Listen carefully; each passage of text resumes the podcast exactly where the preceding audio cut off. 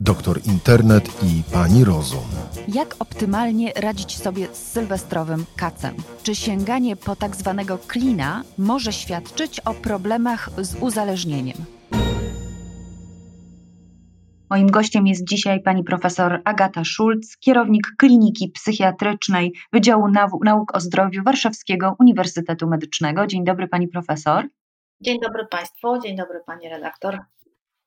Pani profesor, przed nami noc sylwestrowa nietypowa, bo są wprowadzone obostrzenia od 19.31 do 6.01. Będziemy e, siedzieć w domach, ale myślę, że to nie powstrzyma bardzo wielu osób przed świętowaniem tego Sylwestra w sposób tradycyjny, czyli między innymi e, przy użyciu alkoholu. Tego alkoholu zwykle w Sylwestra nadużywamy. I chciałam zapytać o mechanizm biologiczny związany z powstawaniem kaca. O, z powstawaniem kaca. No więc y, są różne teorie, ale taka najbardziej, y, powiedzmy sobie, y, no, miarodajna i przemawiająca też y, do ogółu, polega na tym, że czujemy się źle, zazwyczaj źle, bo rzadko kto, e, o ile w ogóle e, przeżywa jakoś przyjemny sposób zespół abstynencyjny, nazwijmy to tak, taki łagodny względnie po zaprzestaniu mm, oczywiście używania alkoholu. E, to po prostu jest stan taki, w którym produkty metabolizmu alkoholu, przy, który się metabolizuje w większości w naszej wątrobie i właśnie między innymi e, też dlatego ona ulega pewnemu uszkodzeniu już wraz z czasem e, trwania nadużywania alkoholu.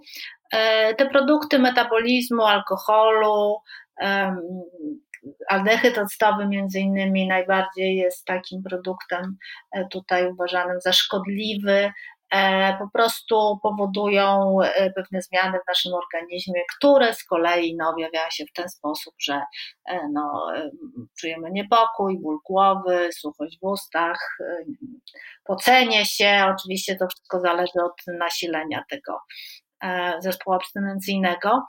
E, jest też taka teoria, która mówi o pewnych takich zmianach neuroadaptacyjnych, no ale to już wtedy bardziej przy e, wypadku osób rzeczywiście przewlekle przyjmujących, nadużywających alkoholu, uzależnionych, to wtedy mamy już do czynienia z bardziej takimi skomplikowanymi mechanizmami. Bo jeśli tak jednorazowo w tego Sylwestra sobie E, powiedzmy ktoś wypije więcej i później następnego dnia e, boli go głowa, no to jest taki powiedzmy sobie prosty, niepowikłany zespół abstynencyjny, który, e, który mija.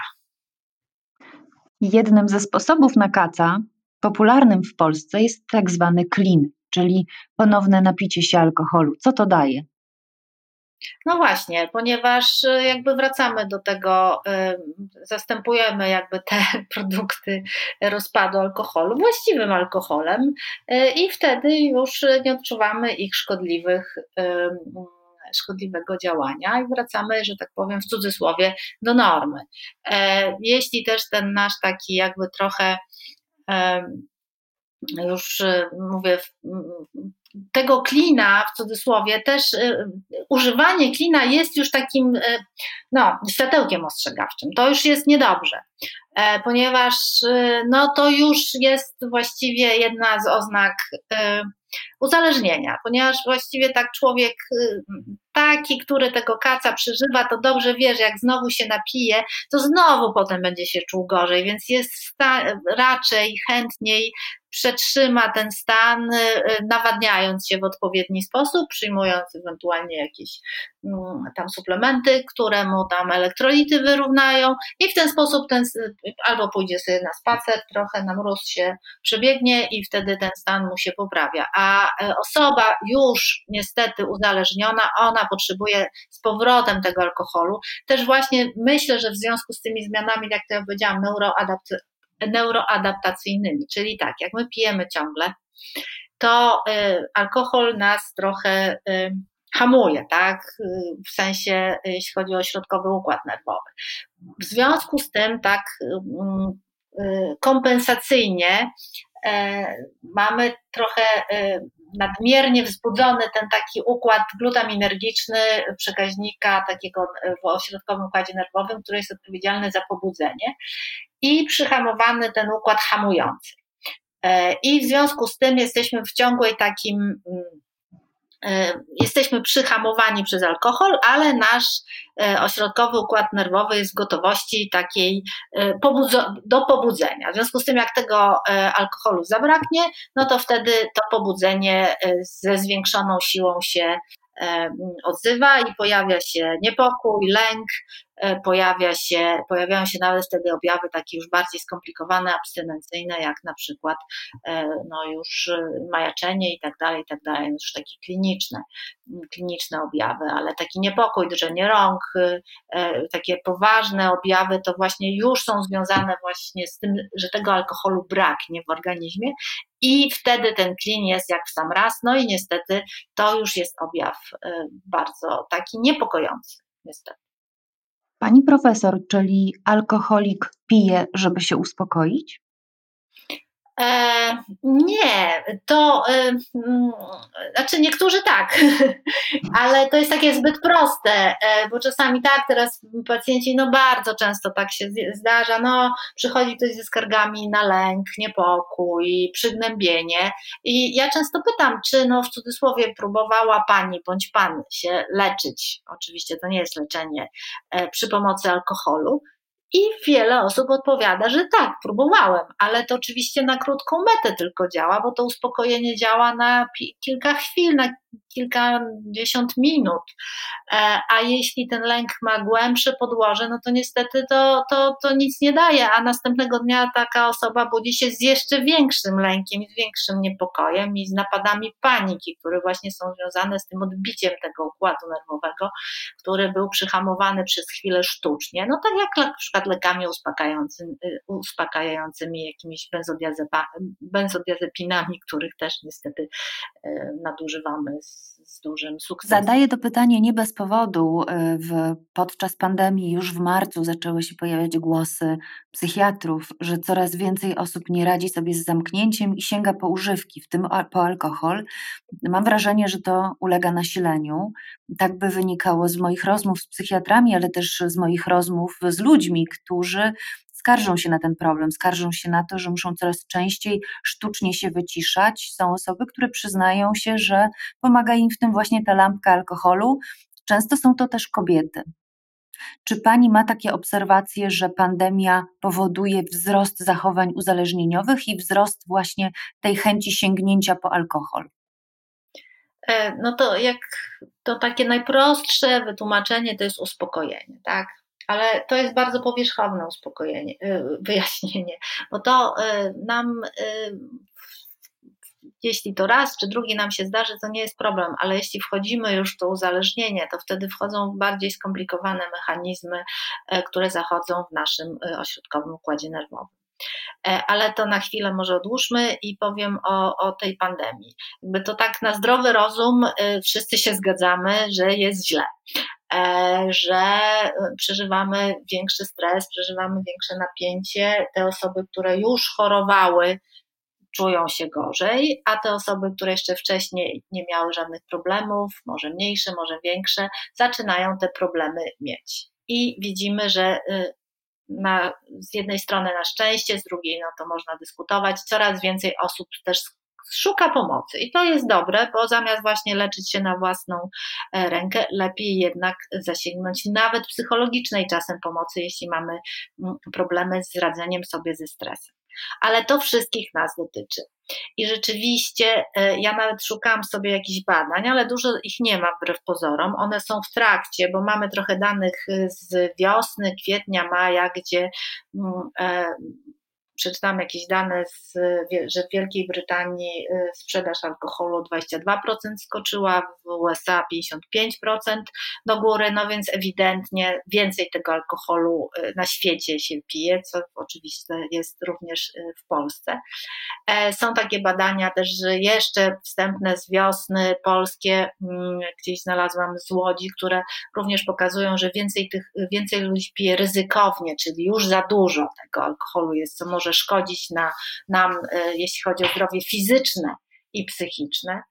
E, I że około 70% osób przyznaje, że w ogóle tego badanych ten alkohol używa ale oczywiście to jest też, no mówię, do końca nie jest przebadane, ale na zdrowy rozum i w praktyce to się widzi. Rzeczywiście ludzie mówią, że po prostu więcej, więcej piją, więcej potrzebują też leków uspokajających, coraz więcej y, próśb o jakieś leki y, o receptę, że teraz mamy to bardzo ułatwione, więc co za problem e, na o, prośba o receptę, o lek na uspokojenie, albo sobie pójdę i kupię właśnie taki lek w cudzysłowie na uspokojenie, bo mówię, to jest, e, to jest taka chwilowa, e, chwilowa rada, chwilowa pomoc, ale naprawdę bardzo łatwo jest przekroczyć tą granicę i faktycznie kobiety łatwiej tą granicę wbrew pozorom potrafią przekroczyć niż by się wydawało, bo wcześniej i, i, i też trudniej to zauważyć, bo, prawda, bo kobiety lepiej się kryją. Dlaczego kobietom łatwiej jest tą granicę przekroczyć? Czy są bardziej podatne na uzależnienie?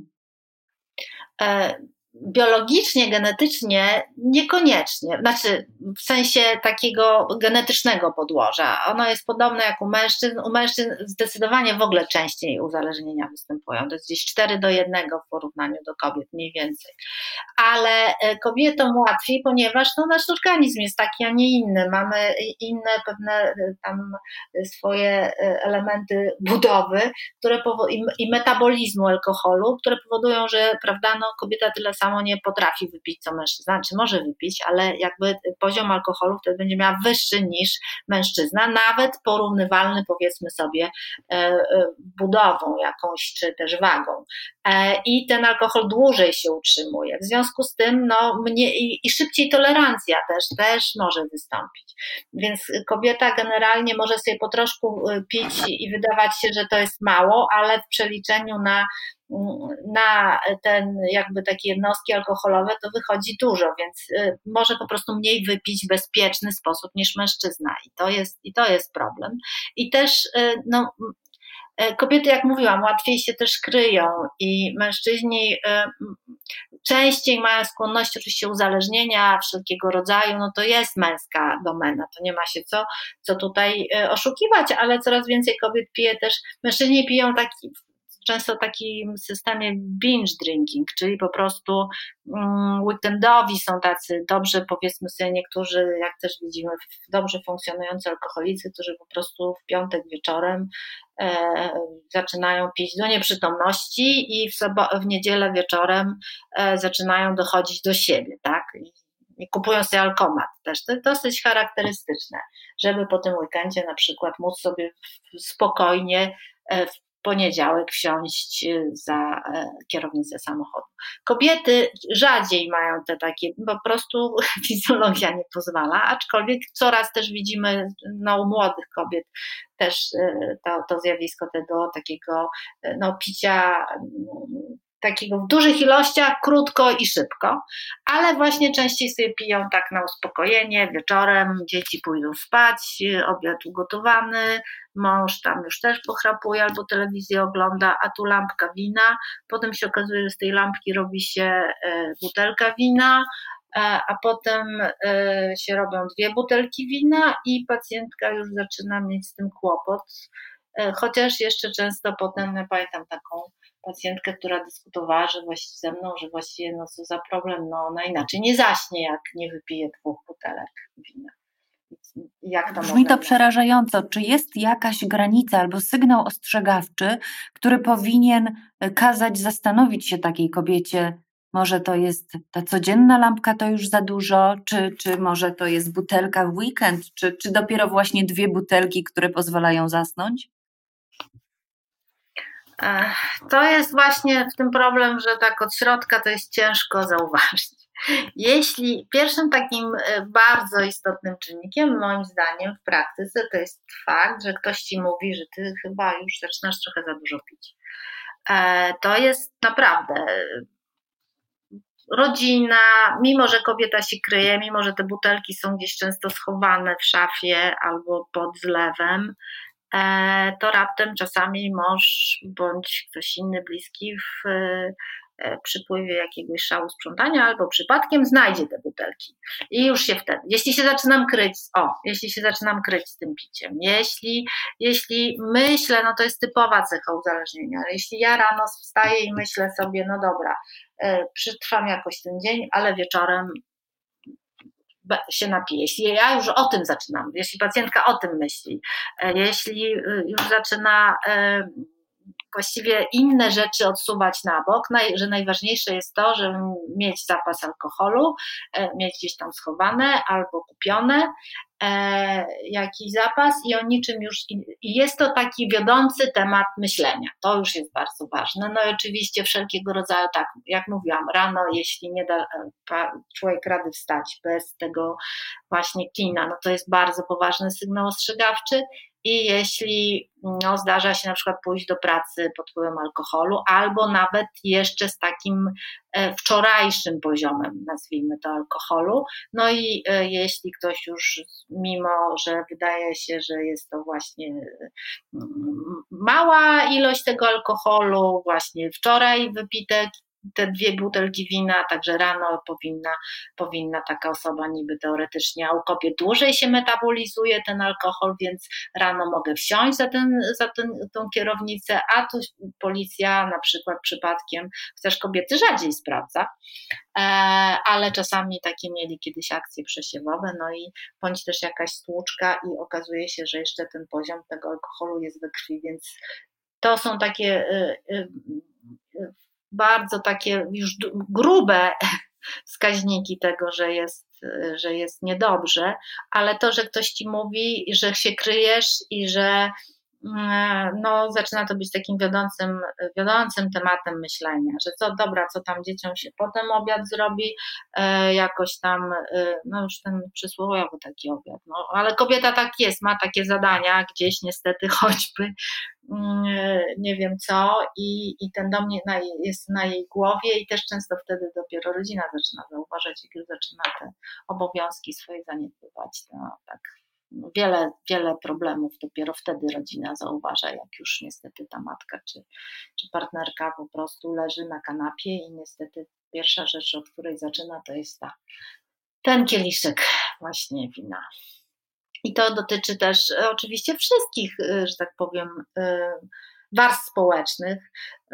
My tak mówimy o tym winie, bo to też bardziej jest może domena takich właśnie trochę może bardziej wysoko, lepiej teoretycznie funkcjonujących osób, ale też jest oczywiście grupa pacjentek, które no, piją w taki wzorzec, no niestety bardzo podobny do męskiego i to jest taki E, ten wzorzec, który powoduje, że, że to uzależnienie również szybko się rozwija, wiele szkód somatycznych szybciej się rozwija i potem niestety pojawiają się te zespoły abstynencyjne, łącznie z majaczeniem, łącznie z napadami padaczkowymi, co nam się kojarzy właśnie już z takim no, alkoholikiem zaawansowanym mężczyzną, ale to u kobiet też się często zdarza niestety, z piciem w ciąży, to jest też ostatnio tak, taki się zrobił, jest głośno o tym zespole płodowym, e, alkoholowym, gdzie dzieci się rodzą z uszkodzeniami, ponieważ matka piła w ciąży. E, I, I to jest y, też jest niestety coraz większa grupa kobiet, które w ten sposób pije i niestety pije. E, no tak, to jest takie y, prowadzące niestety prosto do bardzo poważnych szkód zdrowotnych ze śmiercią włącznie, bo alkoholizm to jest choroba śmiertelna. I czy właśnie osoba taka wysoko funkcjonująca, pijąca po te dwie butelki wina, dziennie, czy też osoba, powiedzmy sobie, może inaczej trochę funkcjonująca, która pije butelkę wódki dziennie albo i dwie, tyle ile tak da radę. Czasami drobne takie właśnie kobiety są, które wydawałoby się, że mm, z trudem jakby mogłyby tyle wypić i, i, też niestety trafiają często do szpitala, nawet na jakieś e, detoksy czy odtrucia z jakimś poziomem trzech promili z groszami, dwóch z groszami, co takie do tej pory było, mówię, taką męską domeną. Pani profesor, to ostatnie pytanie i może trochę socjologiczne. Czy to nie jest tak, że w tym piciu, szczególnie e, w zaczynaniu może picia, kobietom e, nie w cudzysłowie pomogła rehabilitacja wina. W pewnym momencie picie wina stało się takim rytuałem, stało się czymś eleganckim, modnym. Wręcz spotkałam się kiedyś z takim stwierdzeniem, że osoby, które tak podkreślają swoją znajomość wina, często ukrywają pod postacią tej niby pasji po prostu alkoholizm. E, to o tych znawcach wina to nie potrafię się powiedzieć. Zazwyczaj wydawało mi się, że to są osoby, które trochę się interesują tym tematem, ale może to coś w tym być, rzeczywiście. E, może trochę tak, no taki snobizm nasz, że jeśli pije wino, no to nie jest alkoholizm, chociaż też e, Wie pani, jak y, czasami też pytam pacjenta, y, czy pan, pan coś, nie wiem, pije alkohol w ostatnim tygodniu? Nie, w życiu nic. No dobra, wczoraj piwo ze szwagrem, no ile tych piw? Osiem, tak? No więc też w pojęciu niektórych osób e, na przykład piwo nie jest alkoholem, tak? Też się trochę zrobiło takie modne. Nie, to nie alkohol. E, no wino rzeczywiście się tak y, no ma swoje zalety, ale na przykład kardiolodzy różnie się wypowiadają. Nieraz byłam y, świadkiem dyskusji, mm, ale takie ostatnie, y, rzeczywiście były kiedyś takie badania, które mówiły o takim kardioprotekcyjnym działaniu wina, ale też widziałam y, dyskusje też kardiologów, internistów na ten temat, że te badania były trochę takie nie do końca mm, miały swoje tam inne wytłumaczenie, ten, ten taki spadek tych kardiologicznych e, komplikacji e, w grupie pacjentów pijących wino, e, więc też jednak to nie jest zdrowe picie alkoholu dla naszego organizmu. Dla kobiet na przykład y, szczególnie, jak mówiłam, szybciej te szkody zdrowotne się pojawiają. Na przykład jest udowodniony niestety związek między e, piciem alkoholu a rakiem sutka, znaczy zwiększona częstość występowania u takich pacjentek, no co, co jest takim no, poważnym już problemem, nie mówiąc o, o, o innych takich y, somatycznych jak uszkodzenie wątroby, nerek, w ogóle całego ciała, ośrodkowego układu nerwowego, obwodowego, również też mm, łącznie aż no, na takim poważnym, poważnym uszkodzeniem ośrodkowego układu nerwowego. E, oczywiście jeszcze w dzisiejszych czasach to uzależnienie od alkoholu też wiąże się niestety z uzależnieniem od innych substancji psychoaktywnych, ale to w ogóle temat na odrębną e, jest y, na odrębną e, rozmowę, ponieważ wiele osób w tej chwili używa wszystkiego. I od alkoholu poczynając, a kończąc naprawdę na tym, co kiedyś nazywaliśmy twardymi narkotykami, dopalaczami, nowymi narkotykami, I to też niestety dotyczy coraz częściej kobiet. I, I to jest wtedy dopiero taki problem, że czasem, chociaż proszę tego źle nie zrozumieć, czasem mam wrażenie, że takie y, powiedzmy klasyczne uzależnienie od alkoholu y, to nie było takie złe w porównaniu z tym, co teraz widzimy, jeśli mamy pacjenta bądź pacjentkę uzależnioną naprawdę od wielu substancji, bo w tej chwili ten dostęp do tych substancji jest nieograniczony. I y, uszkodzenie y, w ogóle na przykład ośrodkowego układu nerwowego jest bardzo wczesne wtedy w tych takich mieszanych uzależnieniach i, i w zasadzie nieodwracalne. Pamiętajmy, że alkohol, uzależnienie od alkoholu można leczyć, każde uzależnienie można leczyć, ale mówimy o alkoholu i należy leczyć, że jest to choroba, że właśnie z jakichś przyczyn, prawda, są takie osoby, które prawda, mogą sobie pić tą lampkę wina raz czy dwa razy w tygodniu i nie potrzebują więcej.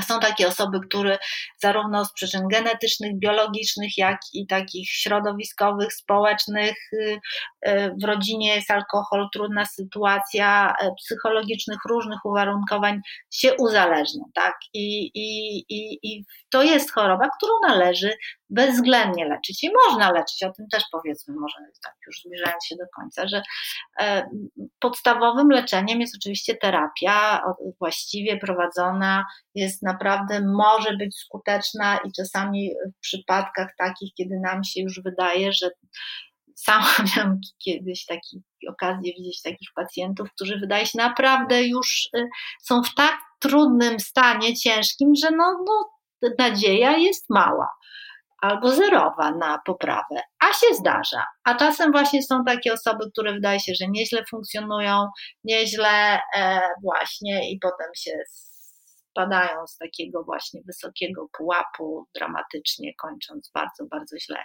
Więc zawsze trzeba mieć, jeśli pacjent czy pacjentka w końcu, e, no to jest najtrudniejsze oczywiście, wszyscy o tym wiedzą, którzy się zajmują, przyznanie do tego problemu, bo najczęściej nie, co ty, no w ogóle przecież nie piję za dużo, nikt się nie przyzna, no. a jeśli, jeśli to już najczęściej przez ciebie, tak, to mąż przez żonę, żona przez męża, e, z powodu problemów, zawsze się jakieś znajdzie e, wyjaśnienie logiczne, albo no to, albo w ogóle nie, jest to taka, no, stare takie sformułowanie, system iluzji zaprzeczeń, którzy sobie osoby uzależnione tworzą po prostu.